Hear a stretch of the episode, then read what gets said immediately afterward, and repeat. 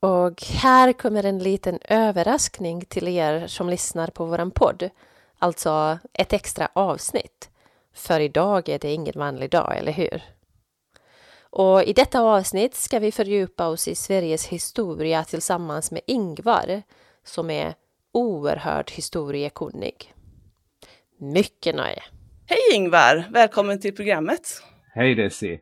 Vad kul att du ringde. Det är ju jätteskojigt det här med att få fira nationaldag. Ja, det är det, va? men hur ligger det till egentligen? Ja, egentligen så är jag ju antikhistoriker så att jag borde ju tala om världens sju underverk. Men nu tänkte jag då berätta om ett annat underverk och det är ju det att Sverige har överlevt som en självständig nation under så här väldigt, väldigt många år. Och det är ju inte självskrivet att det skulle ha blivit på det sättet så att vi skulle kunna fira den 6 juni tillsammans. Mm. 6 juni, vår nationaldag. Nu tänkte jag ta lite svepande drag här om Sverige, landet mellan Danmark och Ryssland. Spännande! Kampen för självständighet och oberoende. Ja, det är ju det. Vi har en spännande historia och man kan säga att det är ju vårt geografiska läge här i norra Europa som har gett oss en sån dramatisk och blodig historia. Mm. För under medeltiden då knöts Sverige och Finland ihop till ett land och Danmark och Norge till ett annat nordiskt land. Och längre österut, därefter trädde olika storfurstendömen varandra och till sist så var det Moskva som blev dominerande och kom att skapa Ryssland. Och det som då hände är att Sverige blir inklämt mellan Danmark, Norge i väst och Ryssland i öst. Viktigt för landet, det blev ju då Östersjön, eller the Baltic Sea som den heter internationellt. Det var ju där som handeln gick av stapeln mellan olika länder och Västeuropa och sådär. Så att den blev väldigt betydelsefull för oss. Men då har vi alltså detta att vi har två stora nordiska riken och mitt i vårt rike så har vi vår huvudstad Stockholm. Nu ligger ju den lite i kanten av vårt land, men då under medeltiden så var den mitt i, alltså i nära eh, samarbete med Finland. Sen var det ju det här att eh, krigiska konflikter med Danmark och Ryssland, de kommer att bli ständigt återkommande i vår historia. Men mot slutet av 1300-talet så hände någonting. 1397 så kom Sverige och Danmark att bilda en union, den så kallade Kalmarunionen. Och nu var samtliga nordiska länder förenade under en enda kung. Och det här var ju då ett mycket stort och betydande rike. Danmark kom att spela den ledande rollen i unionen. För det här var ju en tid när jorden betydde så mycket som var avgörande för ett folks välstånd. Och i Danmark så fanns de bördiga jordarna som gav goda skördar och Danmark låg närmare kontinenten och kunde då ta fram alla uppfinningarna först. Sverige, Finland, det var då ett land med mycket skog det var glest befolkat, fanns inte så många människor. Och flera, flera gånger så försökte Sverige att komma ut ur den här danska dominansen. Det var många uppror och till sist så blev ett utav upproren lyckosamt. Sverige förenat med Finland blev ett självständigt rike. Och det är detta som vi firar på vår nationaldag den 6 juni. Det var nämligen den 6 juni 1523 som Gustav Eriksson Vasa valdes till Sveriges kung. Och det är med den här kungen som Sveriges nyare historia börjar. Vi sätter streck för medeltiden i och med att Sverige har en egen kung och en egen förvaltning. Men hela tiden så finns där konflikten med Danmark. Där Danmark dominerar Norge och gör flera infall i Sverige. Krigen de avlöser varandra. Och Danmark och Ryssland de samarbetar för att gemensamt besegra Sverige. Ändå lyckas Sverige försvara sin självständighet på ett mycket framgångsrikt sätt. Genom krig så lyckas Sverige erövra stora områden och blir en betydande stormakt i Europa. och då ofta i samarbete med Frankrike. Stormaktstiden den upphör 1721 och mot slutet av 1700-talet är Sveriges självständighet starkt hotat. Vi har ju då 1789 eh, års eh, franska revolution och eh, det blev ju ringar på vattnet utav det här. I Sverige så mördades kung Gustav III 1792. I Europa så vinner ju Frankrike under Napoleon flera krig och blir den klart dominerande makten i eh, Europa. Gustav IIIs son, Gustav IV Adolf, hade blivit kung och han motsätter sig Napoleon och han trotsar också Napoleon. Då sluter Danmark upp på Napoleons sida. Napoleon och den ryske tsaren Alexander I, de kommer överens om att dela upp Sverige. Det är fördraget i Tilsit. Eh, tsaren, han får fria händer att erövra Finland från Sverige. Och det är vid den här tiden som det är farligt att vara mindre länder i förhållande till stormakterna. Polen styckas ju upp utav Ryssland, Preussen och Österrike. Och nu vill man göra samma sak med Sverige. Man vill stycka Sverige så att Danmark får södra Sverige och Ryssland norra Sverige. Och Ryssland anfaller också Sverige 1808. Och 1809 så måste Sverige avträda Finland och ögruppen Åland till Ryssland. Politiskt så är Sverige splittrat. Kriget mot Ryssland, det har varit en katastrof. Armén har hela tiden flytt för fienden. Det har varit mycket förräderi, många felaktiga beslut har tagits och egenintresset, det har ställts främst. Och landets bästa, ja, det har inte känts så viktigt. Och det är nu mellan 1808 och 1814 som Sverige befinner sig i en väldigt allvarlig kris. Skall Sverige överhuvudtaget komma att fortleva som en självständig stat? Någonting måste göras. Kungen, Gustav IV Adolf, han avsätts genom en kupp 1809. En av Sveriges ledande politiker, Axel von Fersen, han mördas under ett upplopp i Stockholm. Och det här är verkligen ett bottennapp i vår historia. Allt hopp tycks vara ute för Sverige. Det är nu som grunden till Sveriges nuvarande demokrati läggs. Den 6 juni 1809 tas beslut om en ny regeringsform. Och den har varit mycket länge, ända till 1970-talet. Och det är nästan rekord i världen. Det är väl USA som har lyckats att behålla eh, sin regeringsform ännu längre. Och man hade alltså medvetet valt datumet den 6 juni för att anknyta till valet utav Gustav Vasa när han blev kung 1523. Så att den gången, 1523, hade Sverige räddats från undergång. Men hur skulle det gå nu? 1809, ja, Sverige är alltså verkligen i en nedförsbacke. Kungen, han är gammal och barnlös. Han heter Karl den trettonde. Men man kom på det att tänk om vi kunde få tag på en bra fransk militär.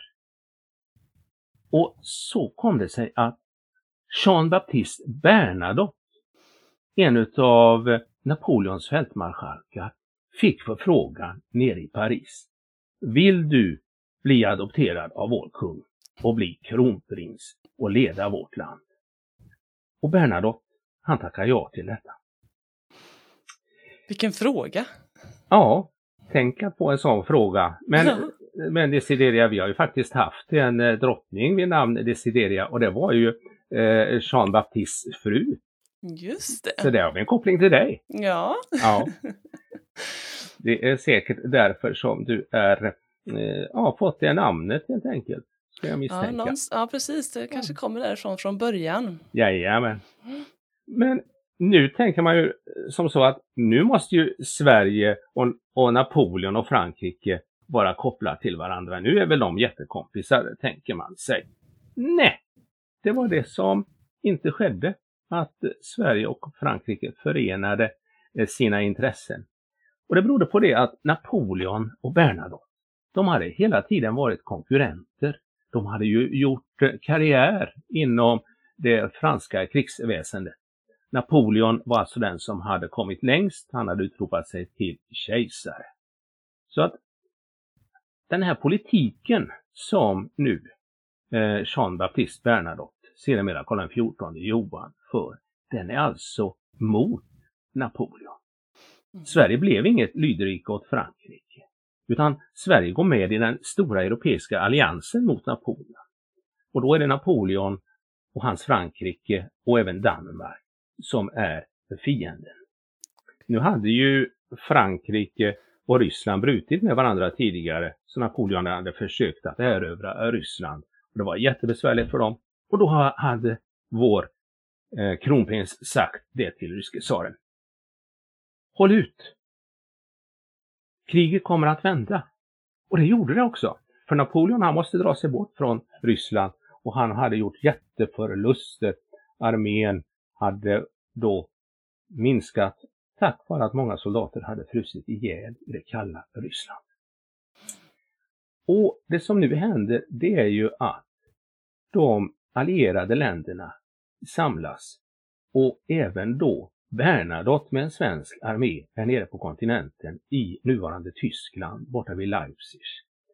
Och där har vi alltså sådana här stora länder som kommer med arméer som Preussen och Ryssland och Österrike och, och Bernadotte, ja de, de lyssnar faktiskt på vad han säger. För han vet ju hur Napoleon tänker. För han ställer upp sin armé. Det är ju väldigt viktigt i det här stora slaget vid Leipzig. För Napoleon hade eh, varit i samma lag, så att säga, med Napoleon tidigare. Ja, Napoleon, han hade ju mängder utav väldigt duktiga fältmarskalkar. Mm. Och det är ju de som eh, man ser där namnen på dem i triumfbågen där i Paris. Mm. Där är de upptecknade. Så att det här är ingen duvunge som Sverige har fått som Eh, kronprins utan det är en oerhört skicklig militär. Och det är ju som så att efter då det här slaget vid Leipzig så erövrar Bernadotte Norge från Danmark. För Danmark var då Napoleons allierade. Mm. Och det som då sker, det är ju det att Sverige slipper de här ständiga tvåfrontskrigen. De behöver alltså inte kämpa både mot Danmark och Ryssland. Och det här var ju väldigt, väldigt bra. För att nu började alltså den här fina freden som vi har haft i Sverige. Vi har alltså haft fred i vårt land ända sedan 1814. Och för Norge var detta jättebra, för de fick en egen författning. Och de slapp vara under danskt kungligt envälde. För att kungen, han var enväldig i Danmark ända in på 1840-talet. På det här sättet så kunde Norge utvecklas också och bli en självständig stat 1905. Svenskarna i gemen, de hade naturligtvis hoppats på någonting helt annat, att Bernadotte skulle kriga mot Ryssland och återta Finland. Men Bernadotte han var så smart så han insåg det meningslösa i det här. Och så tittade han på kartan och då såg han att ja, men Sverige och Norge, då, de skulle kunna bli någonting fint tillsammans. Om man tittar här nu, den här långa gränsen då som vi har där, nej men vi slipper den gränsen. Det blir en naturlig gräns mellan Sverige och Ryssland istället. Det är mycket kortare. Så att han lägger totalt om den svenska utrikespolitiken och det var naturligtvis inte många som fattade det här i Sverige, hur smart det här var. Så att 1814 så har vi detta att Sverige tillhör segramakterna som har besegrat Napoleon. Vi har alltså en ny tid som inleds för Europa och för Sverige. Och ännu idag så har vi alltså en kung i Sverige som heter Bernadotte, Karl XVI Gustav. Och när Sverige var på väg mot undergång så räddades landet alltså utav en fransman, Jean Baptiste Bernadotte, sedermera Karl XIV Johan.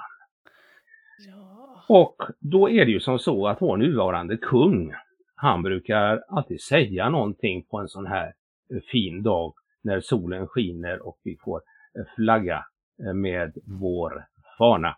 Då brukar han säga Leve Sverige! Och det tänker jag också säga. Leve Sverige! Ja, det kommer jag också göra. Nu när man kan hela historien så, så vet man ju också vad man säger.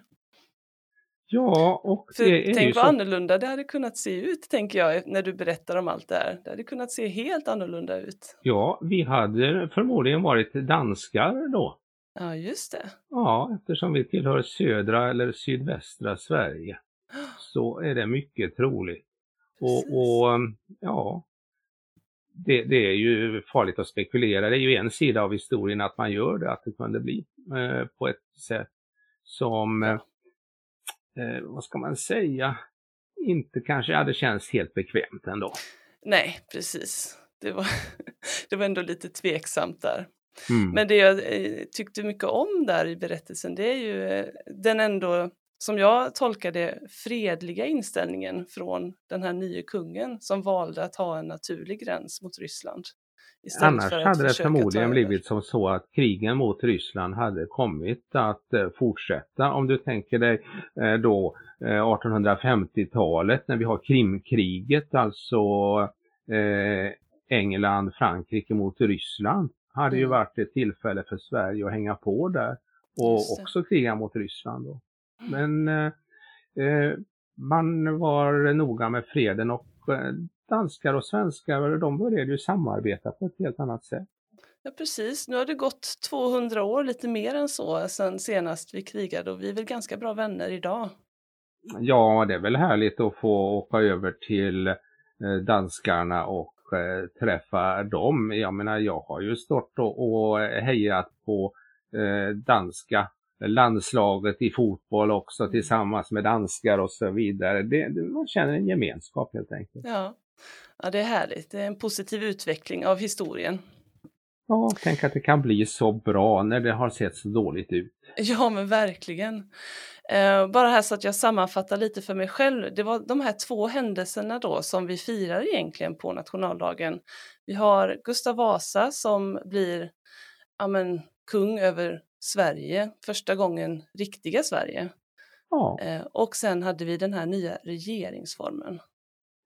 just stämmer. det. Det är eh, framförallt de händelserna Mm. Och, och det som är så speciellt det är just att det är besvärligt för vårt land. Det är kris. Hur ska det gå? Har vi någon Mm. framtid? Och så löser sig detta. Ja. Härligt. Det ska Ja. vi fira som sagt. Det får vi göra. Ja. Tack så jättemycket Ingvar för att du ville vara med och berätta om allt det här. Jo, men det är ju bara eh, roligt och, och eftersom eh, så att säga det här är ju ingen saga utan det är ju vår verklighet som har fått ett lyckligt slut. Ja, precis. Och det är ju jätteviktigt att känna till hur det har Ja. gått till. Tack så mycket och eh, glad nationaldag!